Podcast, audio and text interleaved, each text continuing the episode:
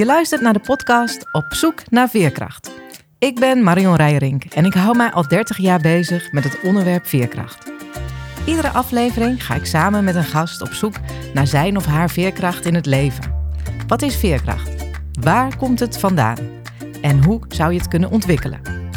In deze podcastreeks hoop ik samen met jou de antwoorden daarop te vinden. Want veerkracht is echt iets bijzonders. Wie veerkrachtig is, heeft een bepaalde souplesse om met het leven om te gaan. Je zou kunnen zeggen, veerkracht is een vorm van levenskunst. In deze aflevering spreek ik met Björn Aris. Björn is trainer, coach en auteur. Hij verbindt Oosterse lessen uit de zwaardvechtkunst met praktische inzichten voor een leven dat bestaat uit rust, plezier, levenskwaliteit en je goed voelen. En Björn beoefent de Japanse vechtkunst al 35 jaar en hij heeft onlangs zijn derde boek gepubliceerd, De lessen van een samurai. Ik spreek met hem vandaag over zijn visie als samurai op het onderwerp veerkracht. Goedemorgen, Björn, van harte welkom. Dankjewel, goedemorgen. Bijzonder om hier te mogen zijn. Fijn dat je er bent. Hey, vertel eens, wat is volgens jou uh, veerkracht? Veerkracht is voor mij het natuurlijk vermogen tot herstel. Kan je daar iets meer over vertellen? Wat is dat natuurlijke vermogen? Ja, dan vraag je mij wat de natuur is. Ja. ja dat is, nou, daar kan ik op antwoorden. Dat is natuurlijk een, uh, voor iedereen uh, de opdracht om uit te vinden. Wat is de natuur en wat is zijn eigen natuur? Dat is ongeveer wat je kan doen in dit leven. En uh, dat combineren met plezier. En jij bent al lang bezig om dat uit te vinden vanuit de Japanse traditie en de zwaardvechtkunst. Mm. En die inzichten heb jij volgens mij, nou, laten we maar zeggen, samengevat ook in je laatste boek. Ja, klopt. Ik was um, in 2019 in München. Uh, voor een keynote uh, in de automotive industry. Die, die zit rond München, Audi, Volkswagen, Porsche. En er was ook Deal Aerospace. Uh, dus, dus veel technische bedrijven, technische managers waren daar. het ging over een agile conferentie. En er waren ook een aantal jonge mensen bij van de organisatie.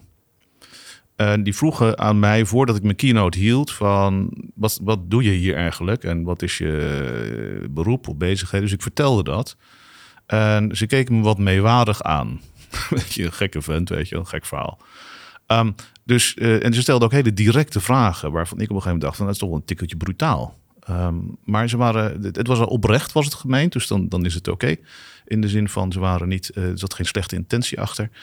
Um, en nadat ik mijn keynote gegeven had, kwamen ze naar mij toe.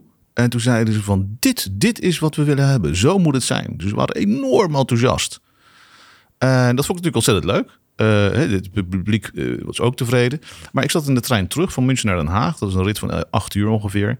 En toen zat ik zo na te denken. En toen bedacht ik me van, door de reactie van, van deze jonge mensen, zo, zo rond de 25, dacht ik, ja, hier moet ik dus een boek voor schrijven. Want die, hebben, die willen die kennis hebben. En dan moet ik het beschikbaar maken. Um, dus dat heb ik gedaan. En um, het is zo geschreven, speciaal voor generatie Z en millennials, dat het gewoon uh, korte uh, brokken zijn, zeg maar. Het is behapbaar. Um, het is uh, eenvoudig. en voor degene die de diepte wil, staat het er ook. Ja, want ik hoor jammer genoeg niet bij die doelgroep. Maar ik heb je boek natuurlijk wel gelezen. Mm. En ik vond het heerlijk. Dus heel clean en to the point. Maar wat ik ook mooi vond, is dat je uh, beschrijft je, je levenslessen eigenlijk aan de hand van een aantal kata's. Mm -hmm. Dat zijn gevechtsverhaaltjes, heb ik geleerd. Mm. En uh, ik dacht in de voorbereiding van dit interview vandaag, dat wordt nog ingewikkeld. Want eigenlijk zou je kunnen zeggen, elke kata zou je kunnen koppelen aan veerkracht. En ik ben wel benieuwd of jij dat ook zo ziet. Ja, elke kata is een op zichzelf staand gevechtsverhaaltje. Een op zichzelf staande oefening. Een kata is een gevechtssituatie. En in die kata staat beschreven uh, hoe het gevecht plaatsvindt. En, en het stelt je in staat om je techniek te oefenen. Want een, een uh, echt zwaard, uh, nou, als je goede techniek hebt, snij je door drie lichamen heen, inclusief bot. Dus stel dat je duizend slagen per dag moet doen om een beetje fit te blijven, dan heb je duizend man nodig. Nou, dat is juridisch wat lastig. Vroeger kon dat, maar vandaag de dag niet meer. Uh, in ieder geval Japan kon dat. Uh, dus we, we, snijden nu door de, licht, door de lucht. En zo'n kata stelt je in staat om je techniek te oefenen. Het aardige van de kata is, is dat het is begrensd. Dus het staat heel precies omschreven wat je moet doen. En juist die begrenzing zorgt ervoor dat je de vrijheid kan ontdekken. Die moet je uitleggen. De begrenzing zorgt ervoor dat je de vrijheid kan ontdekken. Ja, uh, want als je eh, zeg maar als een blad uh, op de rivier drijft, van links naar rechts, en gewoon met het water meekabbelt, ja, dan kom je overal, maar er is geen diepte. En door de begrenzing van de kata, je moet eerst de grenzen leren kennen. En vervolgens, door die grenzen, kan je jezelf ontwikkelen. En ontwikkelen staat voor ontwikkelen, de wikkel eraf halen. Ja. En daar gebruik je het lichaam voor. Uiteraard, hè, uh, want het zijn fysieke oefeningen. Uh, maar ook je geest. Dus je traint lichaam en geest. En um, dat op zich is al bijzonder voor hier in het Westen. Want uh, daar waar dat in het Oosten veel natuurlijker is, is het zo dat in het Westen wij douchen wel elke dag. Maar geestelijk onderhoud heb ik nog nooit van gehoord. En uh, in die kata zit dat wel heel duidelijk. Dus het is het trainen van je geest en daarin het ontwikkelen, het schoonmaken van de vooruit, zeg maar. En, uh, en je lichaam en dat bij elkaar brengen.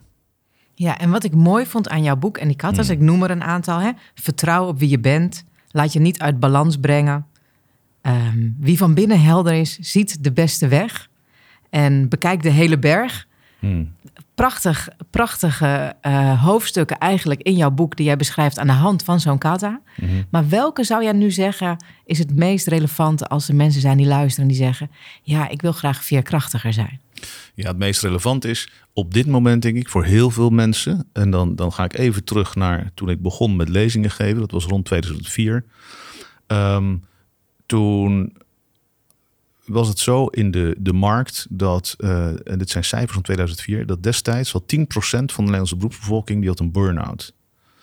En uh, 30% was chronisch moe. En chronisch moe betekent dat je niet meer weet hoe het is om je goed te voelen. En dan uh, gingen er elke dag destijds 80 man uit het arbeidsproces. En dat 365 dagen per jaar. En die gingen eruit door stress. En die stress was, was tweeërlei. Enerzijds de stress van dus gewoon te veel gedoe, ik word er gek van. Maar ook stress dat je niet mag doen wat je wel kan. Dus dat je in een hokje wordt opgesloten van nou, dit is jouw bureau. En dat je het wel overziet of, of dat je wel inzicht hebt, maar gewoon uh, door het systeem niet die ruimte krijgt. Of de mensen die in het systeem zitten. Um, dus ik vond dat uh, schokkend. Ik dacht van nou, dat, weet je, dat, dat gaat niet goed.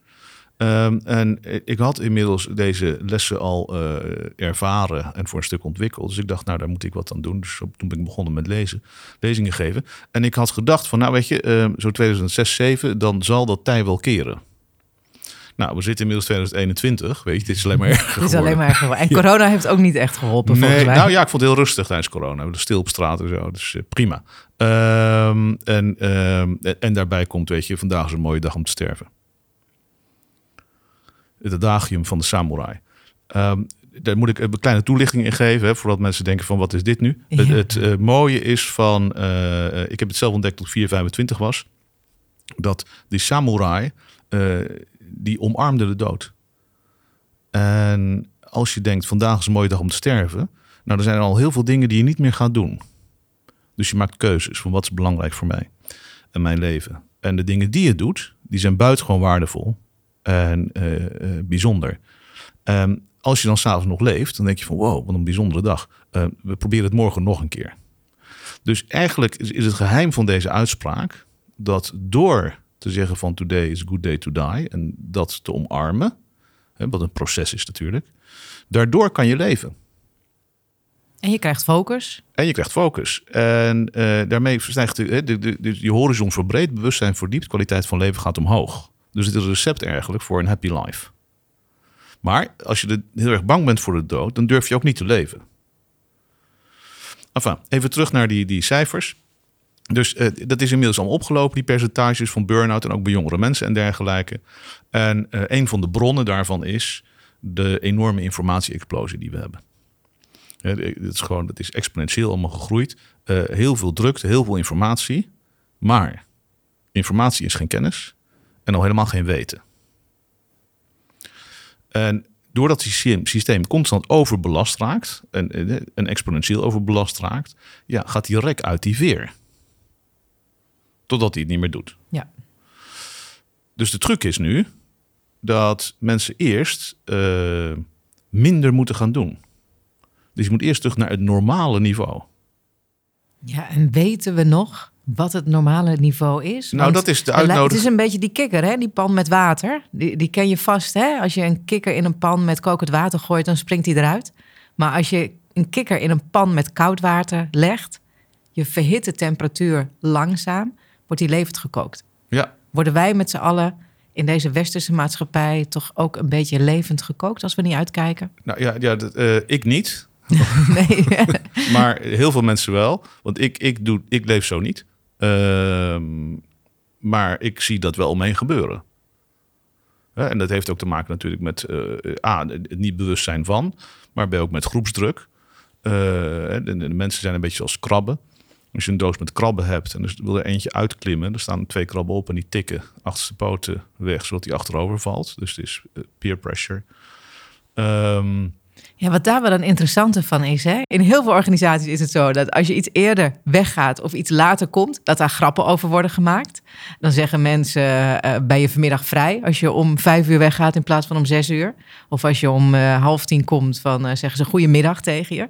Eh, maar jij ging vaak om vier uur eh, weg van je werk, juist om de practice te doen, hè? Die, Ja, je, die je nu doet. ja, en ook kwam en dat is ook pas... een mindset, hè? Nou ja, dat. En ik kwam ook pas om half tien binnen. En ik lunchte zeker een uur. ja. Want ik vind eigenlijk het belangrijkste moment op de dag, vind ik de maaltijd. Maar jij had geen last van die peer pressure. Nee, je moet het probleem laten daar waar het zit. Ja. Daar moet je het probleem laten. En het wil overigens niet zeggen dat je het niet moet adresseren. Maar het is niet mijn probleem.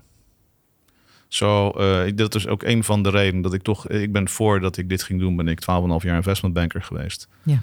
Ehm, en in een hele korte tijd op een heel hoog niveau gekomen. eh, als head of corporate bij een Engelse bank. Ehm, ja, focus op dat wat belangrijk is. Nou, wat is belangrijk binnen het bankwezen? Die willen gewoon geld verdienen.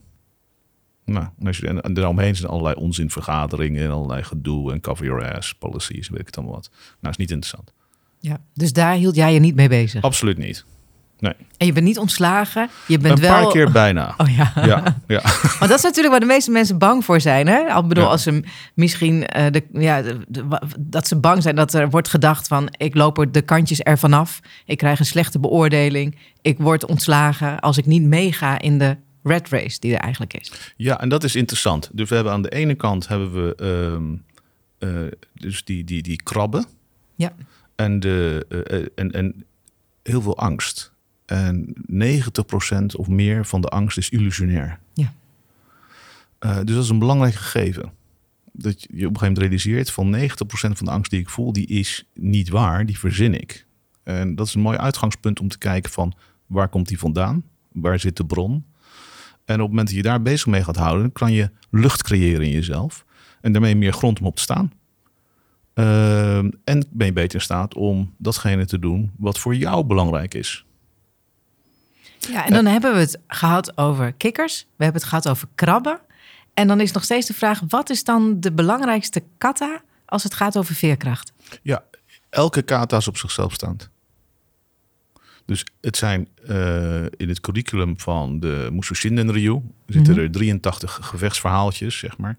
En die dekken alle mogelijke situaties. Dus stel, er komt nu hier een ninja door het plafond naar beneden. Ik kijk meteen omhoog. Ja, precies. Ja. Eh, Ik weet wat ik moet doen. Weet? Oké, Dus, ik eh, eh, denk dat ik heel hard wegren of me achter jou verschuil. En voordat hij geland is, heb ik hem al. En, ehm, dus, nou, dus, dat is geruststellende gedachte. dus elke kata, daar zit alles al in. Dus dat maakt het eenvoudig. En elke kata geeft je een, een invalshoek om eigenlijk hetzelfde te benaderen. Ehm, dus er zijn heel veel verschillende invalshoeken, maar in essentie bestaat de zwaardkunst uit slechts vier technieken. En als je die vier technieken beheerst, ja, dan beheers je alle eh, gevechtssituaties en alle mogelijke eh, parallellen erop in het dagelijks bestaan. maar zeg je dan nu dat je eigenlijk niet, ehm, eigenlijk niet eens hoeft te kiezen tussen één van de kata's als het gaat over veerkracht? Exact. Elke kata heeft dat. Elke kata heeft het. Elke kata heeft dat. Ja. Maar je moet dus wel die kata oefenen. Alle, alle twaalf. Eh, die alle, nou ja, zeker, eh, dat is de 12 CT-kata's, die staan in het boek. Eh, daarnaast heb je nog een aantal Koryu, oude schoolkata's. Door de oefening binnen die begrensde kaders kun je jezelf ontwikkelen. Ja, ja. En dat is dus belangrijk. Dus je moet wat doen. En daar ontbreekt het nogal aan. Uh, als heel veel mensen die kunnen dingen bedenken. Maar op een gegeven moment moet je het gewoon doen. ik zeg in het Engels vaak act, don't react. Maar wat moet ik dan doen, zeggen mensen?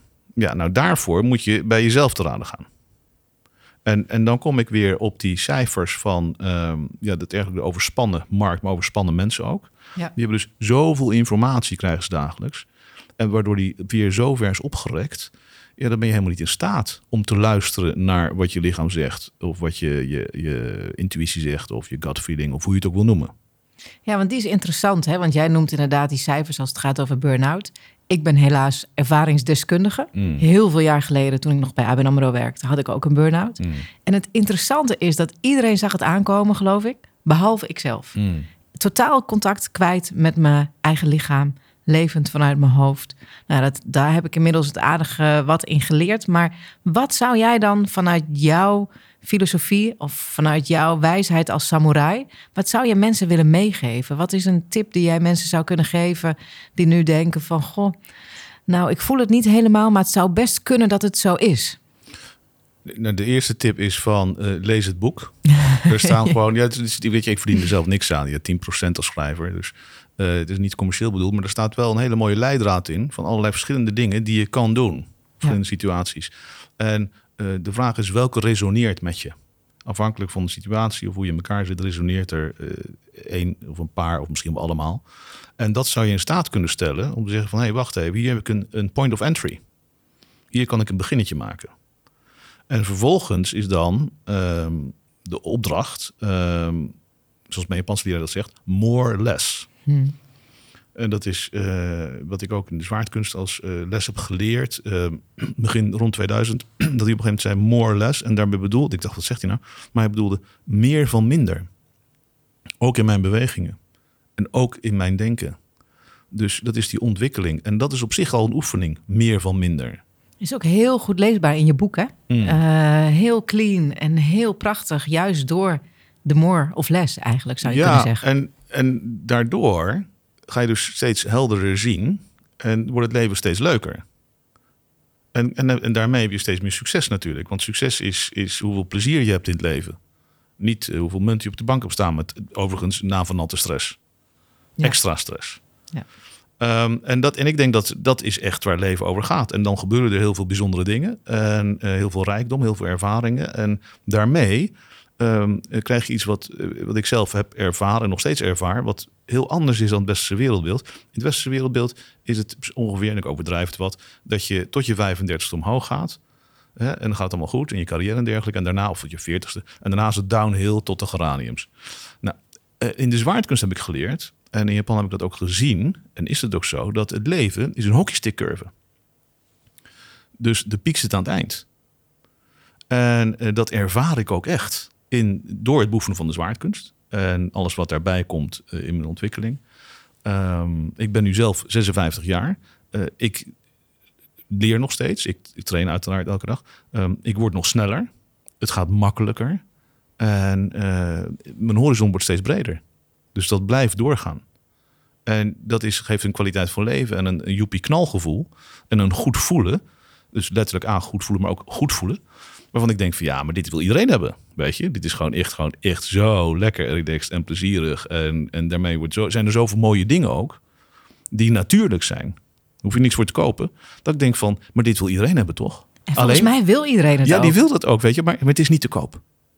Het is niet te koop. En er is ook geen quick fix. Maar je kan het wel doen. Alleen dan moet je wel wat doen. Zo je niet to act. Ja. Ja, dus het gaat over de effort te insteken, zou je eigenlijk uh, kunnen zeggen. Dat het doesn't come for free. Absoluut niet. En, um, en daar zit natuurlijk een beetje de kneep. Dat je moet er wat voor doen. En dat, uh, daar heb je een drive voor nodig. En discipline. Nou, wij, wij zijn niet opgevoed uh, met discipline. dat is een beetje een vies woord, hè? In, tenminste. In, ja, er zit een connotatie aan van hm, liever niet. Ja. Weet je? Ja. Dus, uh, maar dat is wel wat belangrijk is.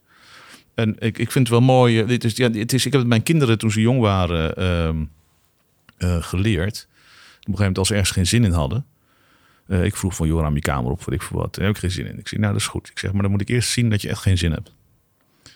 Ehm, dus ga maar eens even voelen dat je geen zin hebt. En dan moet je dat ook echt helemaal voelen. En toen begon ze een beetje zo nukkig te kijken. Ik zei, nee, dat is niet voldoende. Je moet het echt in je hele lichaam moet je voelen dat je geen zin hebt. Dus ik wil echt overal uitstralen uit je kleine teen, overal dat je geen zin hebt. Dus dan deden ze heel erg hun best. En vervolgens zeg ik, ja, nu, nu kan ik goed zien dat je geen zin hebt. Ik zeg, dan ga je nu je kamer opruimen. En dan gingen ze dat doen. En dan kwamen ze terug. En dan zeg ik, nou, hoe is het nu? Ja, helemaal goed. Ja, ik zie, nou is het geen zin, is weg. En je kamer is opgeruimd. Ik zeg, hoe gaaf is dat? Ik ga deze ga ik dus thuis toepassen. Hè? Als moeder van vier heb ik nu echt iets belangrijks geleerd. Het is zo leuk, want het gaat dan heel natuurlijk, weet je.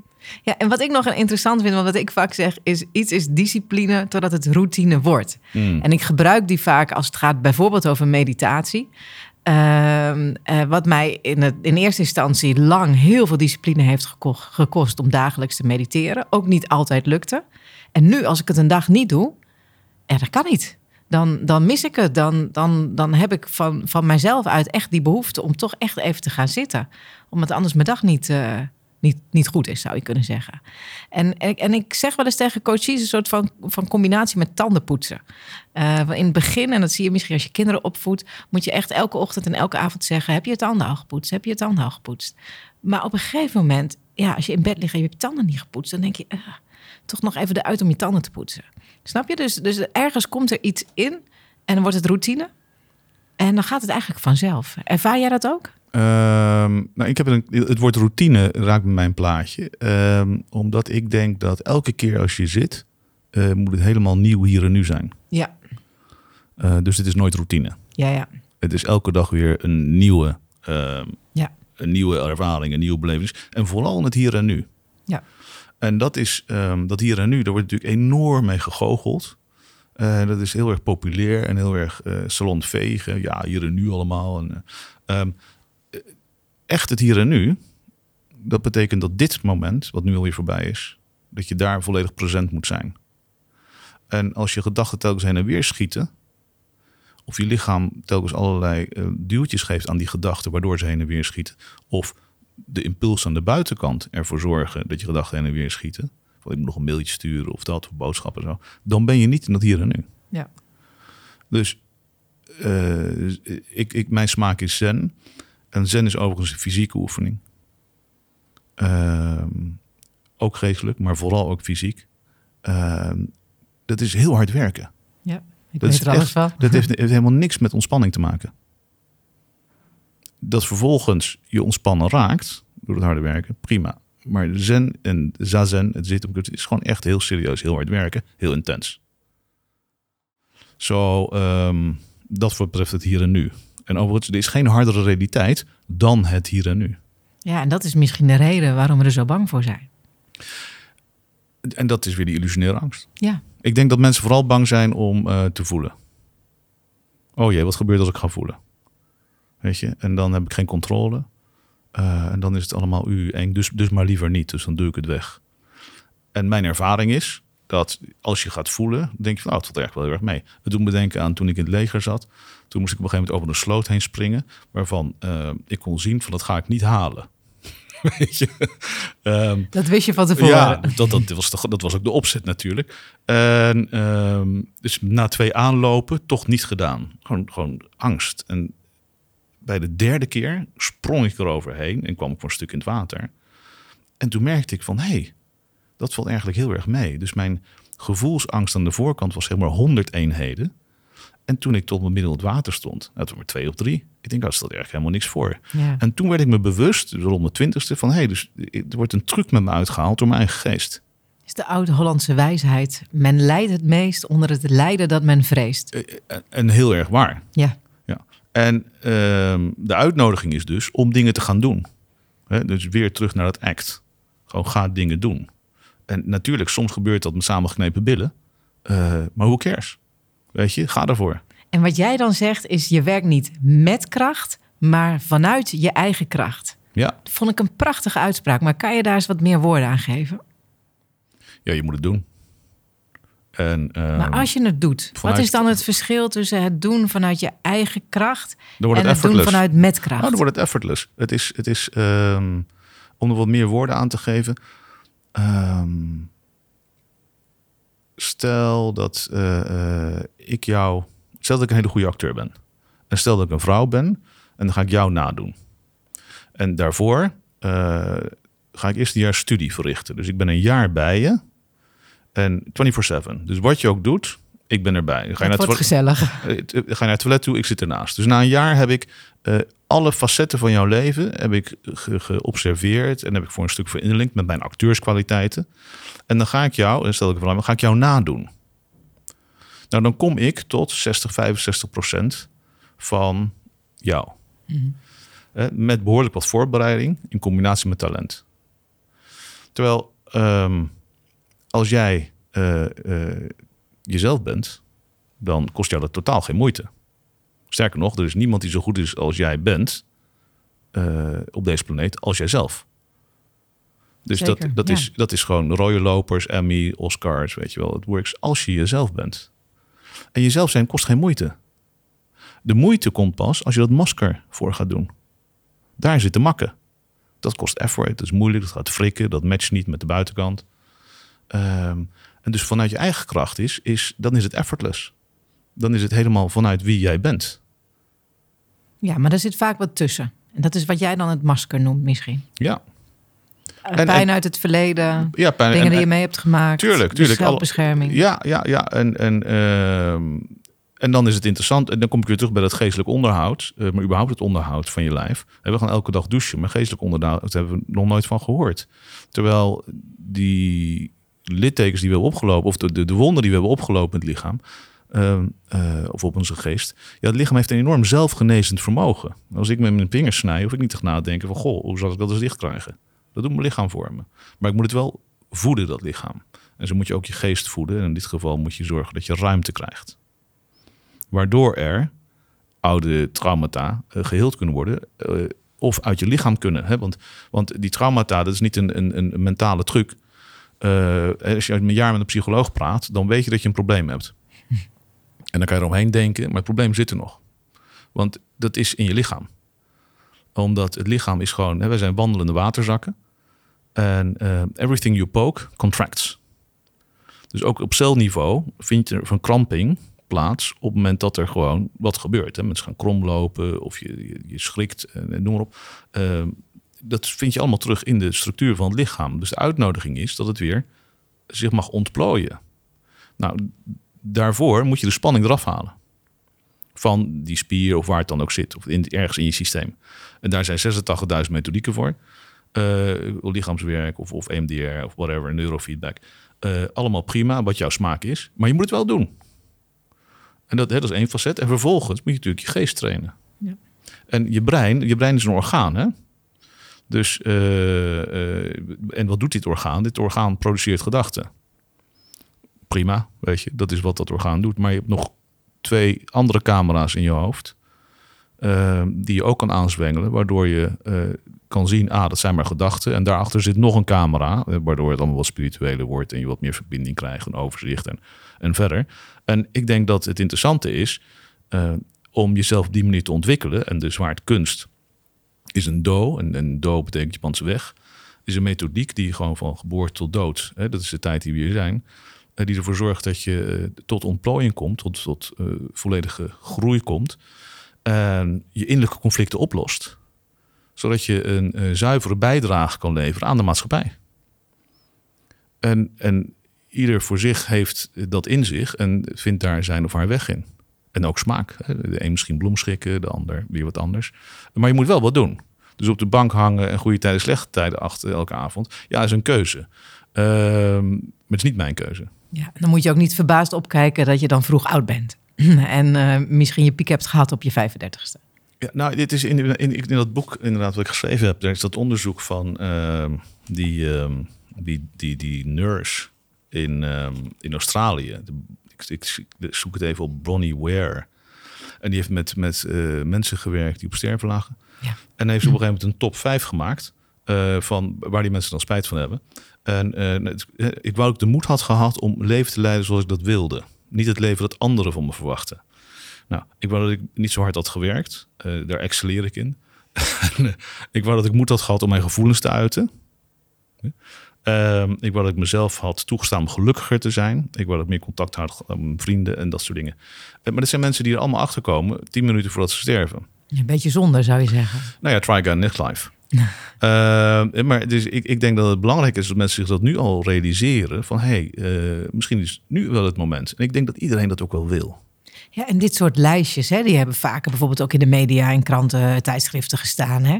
En ik denk dat iedereen het wel wil. Hmm. En toch ja, kom, je, kom je toch ergens in terecht dat het, dat het niet helemaal lukt. Of dat je toch weer wordt gegrepen door de waan van de dag. Ja, en, en het is, uh, uh, daarom heb je in Japan een spreekwoord. En dat is zeven keer vallen, acht keer opstaan. En, en mijn Japanse leraar heeft op een gegeven moment tegen mij gezegd... Uh, Aresan, uh, if you understand, 10 minutes before you die, when you're 80, you're in time. For now, more practice. More practice. more practice. En dat is het. Het is telkens weer opnieuw oefenen. En dat maakt het leuk. En, en dan krijg je, het is dezelfde kata, maar die is elke dag weer nieuw. En een stukje anders, een stukje dieper, een stukje shine links. Shine.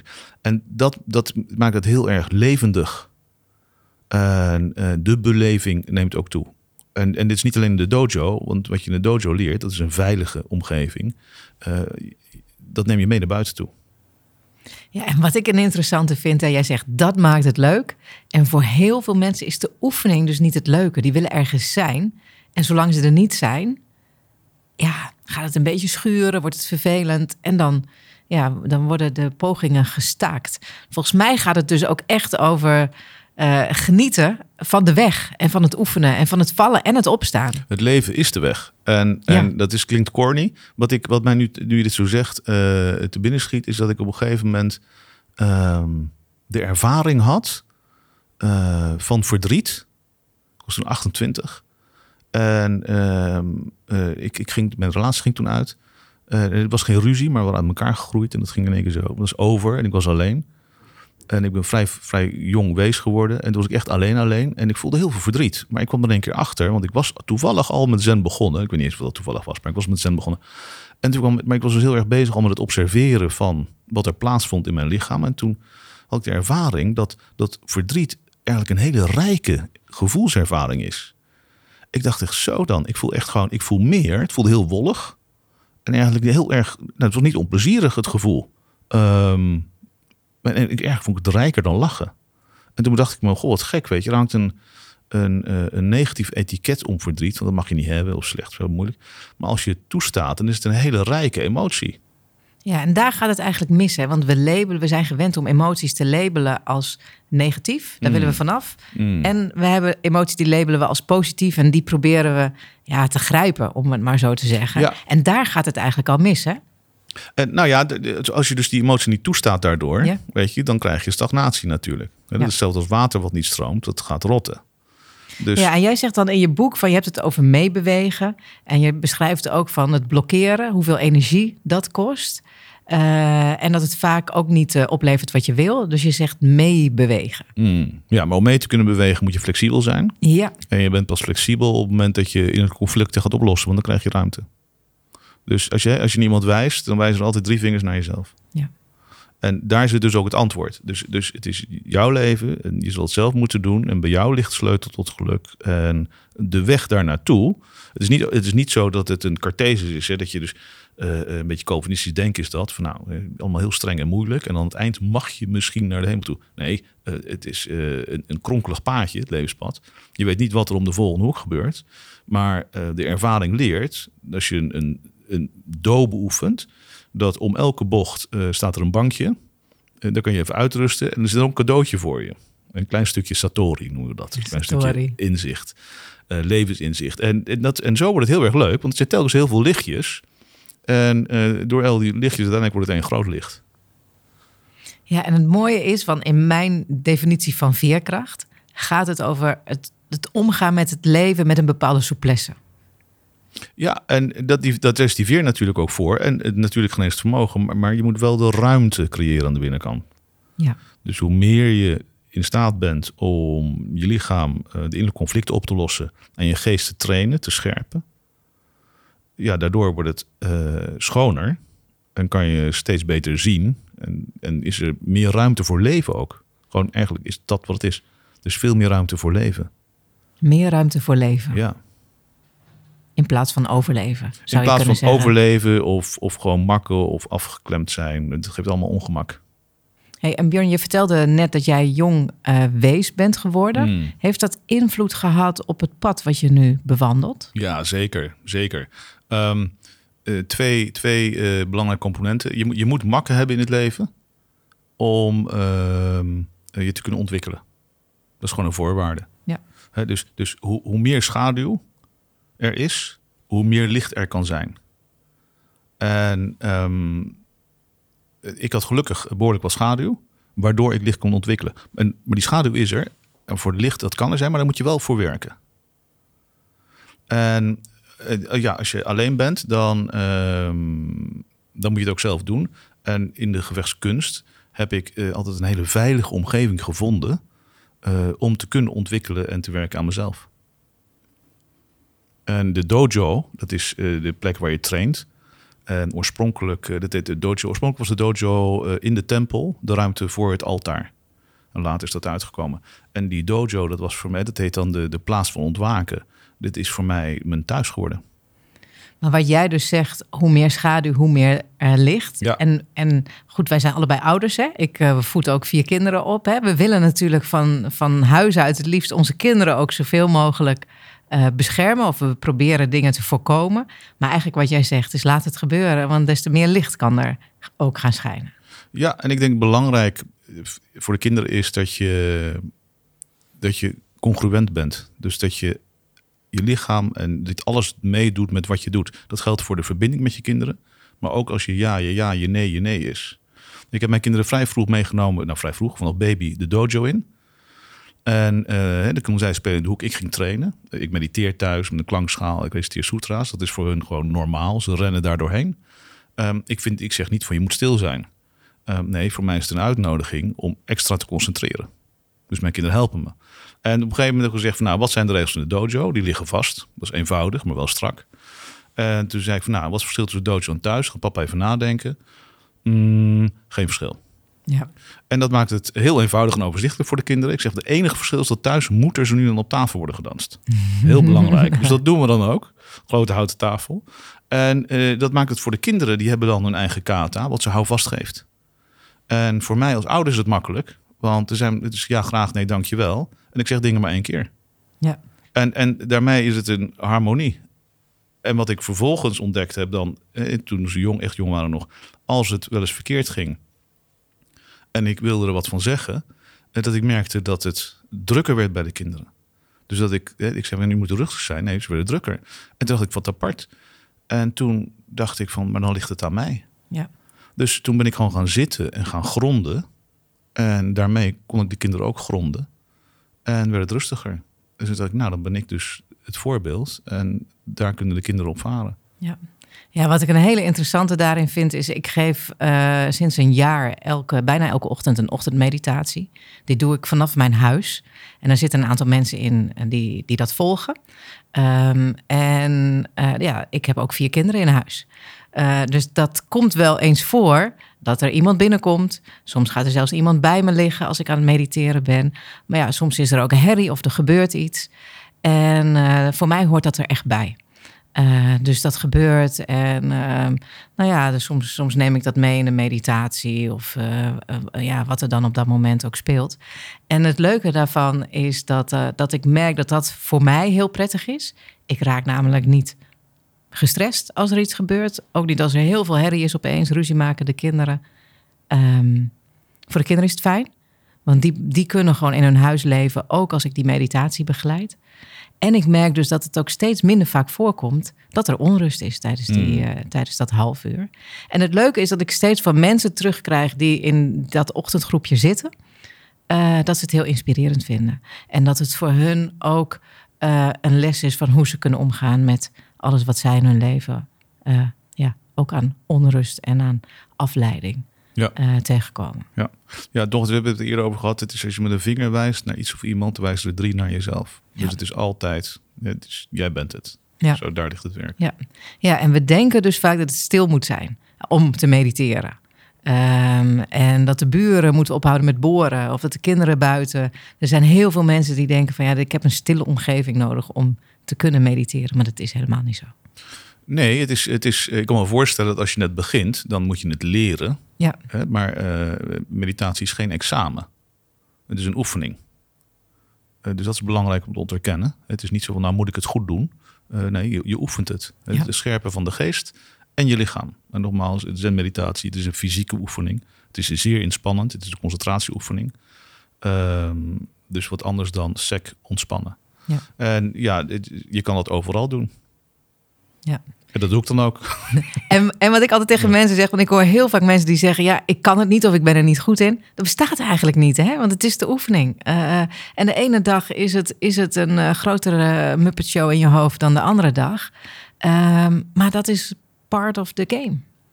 Dat is het. Ehm, het enige wat je hoeft te doen, is je te verbinden met je ademhaling. En omdat je ademhaling altijd in het hier en nu is, als je daarmee verbindt, of dat probeert, Ja. dan kom je vanzelf, nou ja, vanzelf, eh, kom je steeds meer in dat hier en nu. Ja. En dan de juiste houding. De juiste houding is belangrijk, omdat dat aangeeft of je nog wel of niet eh, innerlijke conflicten hebt. Ja. Zo, eh, en daar kan je een hele leven mee bezig zijn. Ja. En het wordt wel steeds leuker. Ja, heel herkenbaar. En nu zijn er mensen die luisteren en die denken van ja, het is misschien wel interessant voor mij. Is het? Dus dan moeten we zeker dat boek even niet- kijken. dat we gaan weer terug naar het boek. en los van het boek, heb, heb jij, heb jij nog, nog, nog een praktische een, een oefening of iets wat jij doet op momenten dat het leven jou even om de oren slaat? Ja, ehm, dan laat ik alles uit mijn handen vallen. En dat is, eh, wel, dat gebeurt er namelijk op het moment dat er iets gebeurt wat, eh, wat ongemak veroorzaakt. Dan schiet je in een stressstand. En als je in een stressstand zit, dan kun je niet goed handelen. Eh, Want dan reageer je vanuit angst, paniek eh, en de het spanningsniveau is heel hoog. Dus zodra er iets gebeurt wat, eh, wat tegen zit, dan st- stop ik direct en ga ik eerst terug naar het hier en nu. En dan kijk ik van oké, wat is er nu aan de hand? Nou, in het hier en nu is altijd alles behapbaar. Ja, Dus ik wil terug naar het hier en nu. En ehm, dan kijk ik van wat is dan de volgende stap. ja, dus alle mensen die nu luisteren en die een eerste stap willen zetten op het pad van veerkracht. En die ergens mee zitten, daarvan zou je zeggen: laat alles uit je handen vallen. Letterlijk, maar ik doe Ga het. Ik, zitten. ja, ik heb dat ook wel gedaan met als ik, als ik het- of een, een, een eh, mail moet versturen of iets anders en het zit even niet lekker. Dan ga ik niet een uur dat zitten forceren om dat toch de deur uit te krijgen. Nee, dan laat ik het los. Dan ga ik wat anders doen. Buiten wandelen, of mediteren, of trainen, of fietsen, whatever. En dan wacht ik op het moment dat het aan is, of die avond of de volgende dag. En als ik dan in sync ben, dan komt die in vijf minuten eruit en dan klopt Ja. het. Ja. Dus het heeft helemaal geen zin om te gaan zitten forceren. Het is allemaal een beetje, en dat is eigenlijk allemaal bekend. De wetenschap zegt al lang, je bent als mens ben je zes uur optimaal per 24 uur. Dus dat betekent dat je ongeveer eh, drie uur aan werk bezig moet zijn, optimaal. En dan drie uur privéleven. En de rest van de dag surrt het wat door. Het heeft helemaal geen zin om tien uur per dag te gaan werken. Het is Ja. totaal niet productief. Maar, wat het Dus, dus, dus, dus niet doen, zeg ik dan. maar jij zegt: ik ga even fietsen of ik ga even Ja. mediteren, ik ga iets anders doen. En als, het dan, als ik dan in sync ben, dan ga Ja. ik het doen. Ja. Ehm, maar jij, jij leeft al vanuit een bepaalde rust. Dus die insync die komt op een gegeven moment. Ik kan me ook voorstellen dat er mensen zijn die zeggen van... ja, maar wat als het drie dagen duurt, vijf dagen, een week, een maand... en ik kom nog steeds niet op dat punt van insync zijn. What's the hurry? Ja, Ja, maar het is. eh het doet me denken aan het verhaaltje van een, eh, een jonge monnik. die ehm, heel erg fanatiek was. En eh, die was altijd als eerste bij, de, bij het onderricht. En bleef het langst zitten bij de meditatie. En deed allemaal extra, extra dingen. En op een gegeven keer per week heb je onderhoud met dan de hoofdmonnik. En dan krijg je een vraag en dan mag je antwoord op geven. En die geeft dan het eh, niveau van je ontwikkeling aan. En hij kwam aanrennen, deze jonge monnik. En deze oude monnik zag hem aankomen rennen. En die, eh, die vroeg hem van, what's the hurry? En zei hij van, ja, ja, ik wil heel graag eh, dit leven eh, verlicht eh, raken. En verlicht raken, dat is dan dat je inzicht in het leven hebt en alle geheimen en daarmee harmonie beleeft. Waarop die oude monnik zegt van, ja, ja, en daarom ren je dus zo snel. Ja. Stel je nou voor dat dat moment al achter je ligt.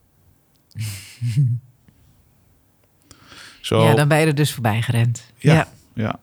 Ehm, dus het het is niet iets wat af is. Het is, het is een ever-moving target. Dus het wordt meer en meer en meer en meer. Het is een hobbelig pad. Eh, Ja. dat, maakt, dat zorgt ervoor dat het leuk is. En dat, dat het belevend is en dat je het kan beleven. En dat, het, dat er eh, verschillende momenten zijn. Dus een ritme. En beweeg mee op dat ritme. En het resultaat daarvan is van die weg. Kijk, ik ben natuurlijk ook begonnen. Dus in het begin eh, heb ik moeten leren. Dat heeft een jaartje of vier geduurd. eh, wat het moment is dat ik in sync ben. Dat ik dat kon voelen. Dat wist ik natuurlijk helemaal niet in het begin. Eh, ik kwam uit banking. Natuurlijk ook heel veel onzin en drukte. Ehm, en ik was een druk mannetje. En na vier jaar kon ik het voelen. Van hé, hey, nu voel ik me in sync. En kon ik dus ook voelen wanneer ik eruit ging. En toen heb ik gewoon mezelf aangeleerd van nou, nu kan ik voelen ik eruit ga. Nu moet ik stoppen. Ja. In het begin hol je nog wel eens door, maar dan zie, zag ik gewoon, ja, dit draait totaal geen bijdrage. Sterker nog, meer collateral damage. Ehm, en uiteindelijk heb ik dus met vallen en opstaan geleerd van nee, ik moet nu gewoon stoppen. Dan ga ik ook echt niks doen, want ik, maar ik wil wel heel graag. En dan mezelf toch dwingen om niks te doen, om vervolgens een veel beter resultaat in een veel kortere tijd te produceren. Ja. Dus dat is dan de, het, mijn eigen leerproces. En dat is, hè, dat is dan alleen het begin voelen was al vier jaar. Zo. Ja. Maar Ja, dat maakt het interessant, want je gaat er steeds meer ontdekken en voelen en ervaren. En ja, dat is, dat is toch wat het leven is. Het leven is niet een rationele vergelijking. Nee, het is alles behalve dan een rationele Ja, ja, vergelijking. ja, dat zeg jij. Hè? Terwijl onze maatschappij is ingericht eh, Ja. dat, dat rationaliteit gelijk is aan, realiteit of, eh, eh, ja, aan realiteit of werkelijkheid. Ja. Dat is natuurlijk helemaal niet zo. En Maar dat is wat onze kinderen nog steeds leren op school. ik, ik heb het gezien, ik ben verwonderd. Het overigens ook een bron van heel veel ongemak. Omdat ehm, als mensen met elkaar praten en ze eh, wisselen informatie uit. En de een vraagt van de ander van begrijp je het? Dan zegt de ander vaak eh, ja, ik begrijp het. En wat hij dan eigenlijk zegt is van onbewust is dit. Ja, ik begrijp de logica van het verhaal. Maar dat hij vervolgens eigenlijk geen idee heeft waar het over gaat, dat ontgaat de meeste. Dus we hebben heel veel uitwisseling van logische verhalen. En dan maken we die vergelijkingen kloppend. En dan willen we wat gaan doen en dan werkt het niet. En dan zeggen we, oh, hoe kan dat nou? Nou ja, dus dat is het verschil tussen de kennis dat, ratio, en de kennis hoe, de know-how. Ja. Ja, en wat jij dan zegt is... ehm, de wijsheid van het lichaam is veel groter dan de intelligentie van het brein. Mm. En jij pleit voor luisteren naar je buik, te voelen met je hart... en dan pas je hoofd te gebruiken. De natuurlijke weg. Dus het is niet zozeer pleiten, dit is, dit is zoals het systeem werkt. Dit is hoe het systeem werkt. Dus, en het is overigens wel leuk dat ze dat nu in het Westen aan het ontdekken zijn. Hè, Ze hebben ontdekt dat ze, dus de, de, ik geloof nervus vagus of zo, die gewoon vanaf Ja. je buik een, een zenuw loopt die impulsen geeft aan de hersenen in plaats van top-down, bottom-up. Ja. En hè, dat maakt het eh, dat het in het Westen, dat er, eh, omdat er dan een wetenschappelijk ding is, dan is er ook audience voor. Hè? Dan mag het in één keer, want dan is het tussen aanhalingstekens waar. Ehm, ja, in, in het oosten, maar vooral in Japan, eh, dat is dan mijn gebied van expertise, daar passen dit gewoon toe. Dit, dit, het is natuurlijk. En het is onnatuurlijk om alleen maar met je hoofd bezig te zijn. Want dan negeer je het complete reservoir van kennis wat in je lijf zit. En heb je daar een concreet voorbeeld van? Van hoe doen ze dat dan in Japan? Eh, eh, nou, een voorbeeld is dat ze, eh, ze zijn zich bewust van het feit dat ze onderdeel zijn van de natuur. Dat zit in een hele beleving. Ehm, in Japan eh, nemen ze heel veel tijd voor de voorbereiding, omdat ze weten dat daar het succes zit. Want als de voorbereiding goed is, dan kan het niet anders dan dat het resultaat goed is. Wat wij doen is, we zeggen nou, we willen dat halen resultaat. En dan gaan we ontzettend ons best doen, snel naartoe rennen, vergeten we vier stappen. Halen het resultaat niet. Zeggen we, hoe kan dat nou? Nou, omdat je die stappen niet neemt. Ehm, zo, eh, eh, een, een ander ding, in de opvoeding zit het al. Kinderen worden opgevoed met het verhaal van eh, je moet je bord leeg eten. Eh, want die vis die erop ligt, die heeft zijn leven voor jou gegeven. Eh, dus daarom wordt heel snel dat bewustzijn gewoon. En, en de hara. De hara is dat is natuurlijk je dragende midden, je, je buik. Ja. Ehm, ja, dat is ongelooflijk belangrijk in de kunsten en, en binnen het samurai gedachtegoed. En Japan, ehm, de Japanse maatschappij en het collectief bewustzijn is doordecemd met dat. Eh, Japan zegt met het samurai gedachtegoed. Japan is een homogene maatschappij. Die is al meer dan duizend jaar hetzelfde. Dus dit zit gewoon, dit zit erin. En wij hebben sinds Descartes ongeveer uh, lichaam en geest gescheiden. En hebben ons zelfs buiten de natuur geplaatst. Uh, dus dus het, het, mooie daarvan is dat je weer opnieuw kan ontdekken dat je natuur bent. Dat is een ontzettend leuke weg. En dat zorgt voor heel veel rijkdom en plezier. Ja, ja wat, wat, wat voor mij belangrijk is, is ik werk heel lang vanuit een soort holistisch uh, beeld. Um, um, Covey die, die had het ooit over het whole person paradigm. Paradigma van de hele persoon. Uh, fysiek, mentaal, emotioneel en spiritueel. En dat is eigenlijk waar dit ook over gaat. Hè? Mhm. Alleen in wat jij zegt, in Japan zit het, zit, het, zit het er nog in en wij zijn het een beetje kwijtgeraakt. Ja, en ehm, het leuke is om dat te, te herontdekken, zeg maar, voor jezelf. Ja. Want dat zorgt voor een rijk leven. Ja. ja, en daar zit weer het plezier ook in het pad. Ja, natuurlijk. Ja, maar dat is allemaal joepie knal. Ja. En, en, en dat, dat is, daar zit echt de rijkdom. Ja, en als je het dan hebt over veerkrachten en met souplesse omgaan met de dingen die, eh, die het leven je brengt, dan gaat het er volgens mij ook over dat je de weerstand tegen de pijn, uh, tegen de dingen die eigenlijk waar je, die je misschien bang bent om te voelen, dat je die langzaam laat uh, smelten, zou ik in mijn woorden zeggen. Ja, en het, is dus practice. Practice, practice, practice, practice. Lichaam en geest, allebei. En dan uiteindelijk is het allemaal minder te doen. Waardoor er heel veel meer kan zijn en je ook veel effectiever wordt. Doe je alleen maar namelijk datgene wat nodig is. En zoveel is niet nodig. Maar de uitnodiging aan de, de luisteraar of de lezer is om dat eh, voor, voor zichzelf te ontdekken. En daar moet je dus wel wat voor doen. Ja, ja. het komt niet vanzelf. Nee, absoluut niet. Ja, hey, wij, gaan, uh, wij gaan naar de afronding toe, denk ik. Mm. Wat ik nog wel interessant vind, is uh, de koffer van je boek.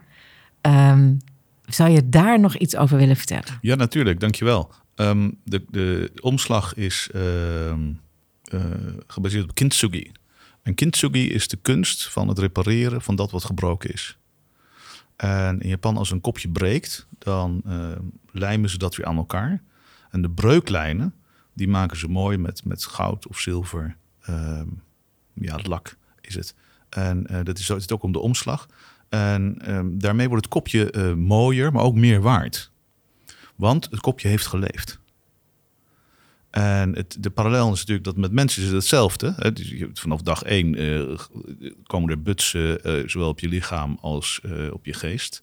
En door dat te repareren, het litteken blijft, maar je heelt jezelf. En dat is die veerkracht, hè? dat zelfgeneesvermogen. Ja, um, maar het is natuurlijk ook volstrekt natuurlijk dat dat met iedereen gebeurt. Iedereen heeft makken. Iedereen maakt mee dat er dood is. Uh, iedereen maakt mee dat hij afscheid moet nemen van dingen waar hij geen afscheid van wil nemen. Dus uh, al dat soort dingen zijn normaal en maakt ons mens. Nou, um, de uitnodiging is om die gewoon die littekens en, en uh, te laten zien. en dat masker, wat je er eigenlijk voor behoudt van ja, niemand mag dit weten of niemand mag het zien. Nee, wees gewoon lekker jezelf en laat het zien. En iedereen heeft die makken. ga, er niet in hangen. Hè, maar dit is onderdeel van wie je bent. En ga door met je oefening. Uh, Gambate kudasai. dus zet hem op, zou ik zeggen. Zet hem op. Dankjewel Björn voor dit interview. En wil je hier meer over weten, koop vooral het boek van Björn. Want als je, als je het hebt over veerkracht, dan is dit echt waar het in essentie over gaat. Dankjewel. En mensen mogen ook altijd een mailtje sturen. björnaris.gmail.com Welkom. Ik heb alle tijd om ze te beantwoorden. Dankjewel Björn. Dankjewel. Leuk dat je luisterde naar deze aflevering van Op zoek naar veerkracht. Veerkracht is een vorm van levenskunst. Mens zijn met hart en ziel, ongeacht de omstandigheden. Want die omstandigheden zijn steeds minder relevant voor iemand die veerkrachtig is. Je kunt dan met een bepaalde souplesse omgaan met het leven. Ik hoop dat de verhalen van mij en mijn gasten je helpen bij het ontdekken van je eigen veerkracht. Wil je hier nog meer over weten? Je kunt deze podcast volgen op Spotify, op Google of op Apple Podcast. Daarnaast organiseer ik regelmatig retraites en twee keer per jaar start het jaartraject De Innerlijke Reis. Dit zijn allemaal trajecten waarbij ik je begeleid in het vinden van jouw veerkracht, zodat je sterker in het leven kunt staan en meer kunt genieten. Ben je benieuwd? Kijk dan even op www.marion.tc. En wie weet spreken we elkaar binnenkort.